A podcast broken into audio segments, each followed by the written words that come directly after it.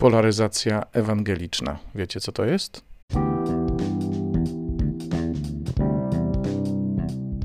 Halo, halo, tu Robert Hecyk i podcast Poznajomości. To są historie, którymi chcesz się dzielić, to są rozmowy, które łączą ludzi i to jest Jezus, którego warto słuchać. Zapraszam.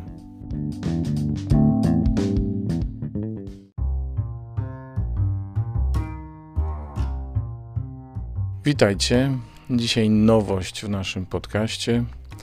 Zebrały mi się różne refleksje, myśli i pomyślałem sobie, że zanim je do Was wypowiem, to wezmę je razem do kupy i spiszę.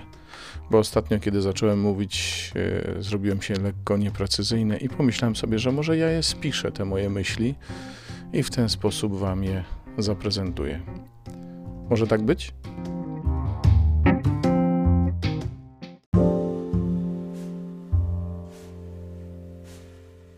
Polaryzacja to takie słowo, które najczęściej występuje w towarzystwie innego słowa nadającego polaryzacji właściwe znaczenie.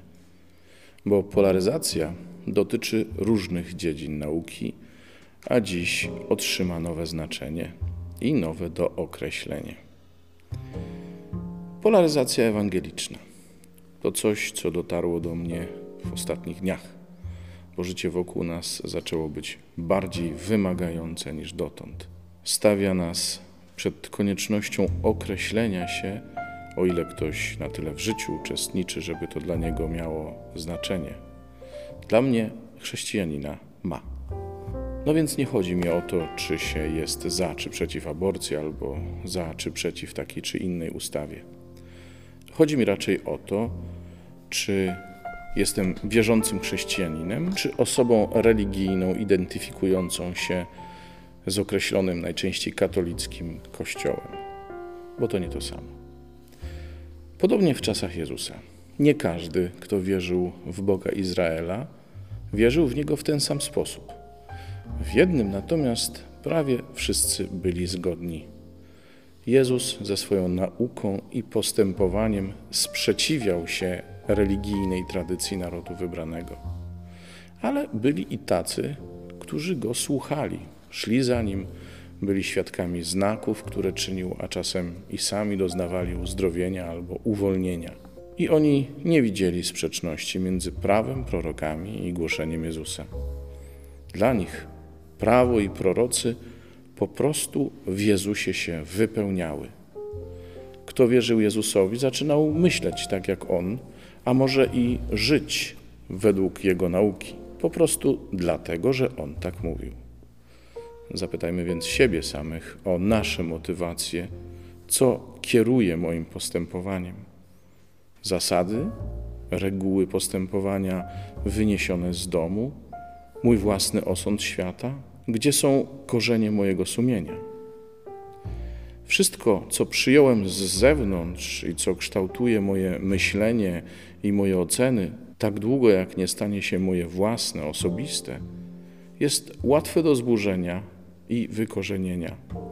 Dlatego tym bardziej warto się zastanowić, co chcę przyjąć za swoje, albo lepiej, za czym, za kim chcę iść, komu zaufać. I tu spotykamy dość rozpowszechnione, żeby nie powiedzieć dominujące nastawienie, które ja nazywam pryncypialnym katolicyzmem. Dużo go znajduję w sobie i bardzo wiele mu zawdzięczam. Są rzeczy, o których się nie dyskutuje i które stanowią wyraźne granice, wewnątrz których czuję się bezpiecznie i których nie pozwalam sobie przekraczać. Więcej, kiedy przekracza je ktoś inny, budzi się we mnie szczery, głęboki sprzeciw. Tylko, że w chwilach najgłębszej pewności i przekonania, że to coś jest złe albo to coś jest dobre, dopada mnie czasem wątpliwość. Ale co powiedziałby na to Jezus? Bo nie ma takich granic, które uchroniłyby mnie przed poszukiwaniem drogi wytyczonej przez Jezusa. Mnie, chrześcijaninowi i do tego księdzu, nie wolno zatrzymywać się w poczuciu bezpieczeństwa wynikającym z pozostawania w granicach wytyczonych przez moje wychowanie i wykształcenie. Bo nie wystarczy katolickie wychowanie ani seminaryjna formacja, kiedy się staje przed rzeczami, które nam się dotąd nie śniły. To za mało w obliczu ludzkiego grzechu albo cierpienia. To nie wystarczy, bo Jezus się nie zatrzymywał tam, gdzie prawo. On nadawał temu prawu sens, albo lepiej, on odkrywał jego najgłębszy sens, a nawet był jego ucieleśnieniem i wypełnieniem. Dlatego, stając wobec wyboru liberalne czy pryncypialne, najbezpieczniej zdać się na niego. Bo i tak wyjdzie na to, że liberalne to zbyt mało miłosierne, a pryncypialne za bardzo bezosobowe w stosunku do tego, co ewangeliczne. Jezus rozwala system, każdy system. Jezus jest tak ludzki, że nikt nie pozostaje poza jego wrażliwością. To on najbardziej może powiedzieć, że nic, co ludzkie, nie jest mu obce. On tylko nie popełnił grzechu.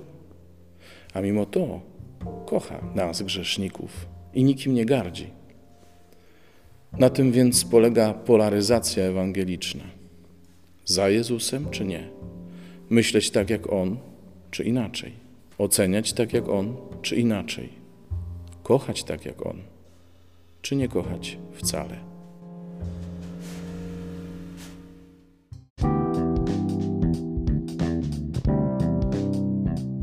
To był podcast Poznajomości. Zachęcam Was do pozostawiania wiadomości. Na stronie podcastu jest odpowiedni przycisk.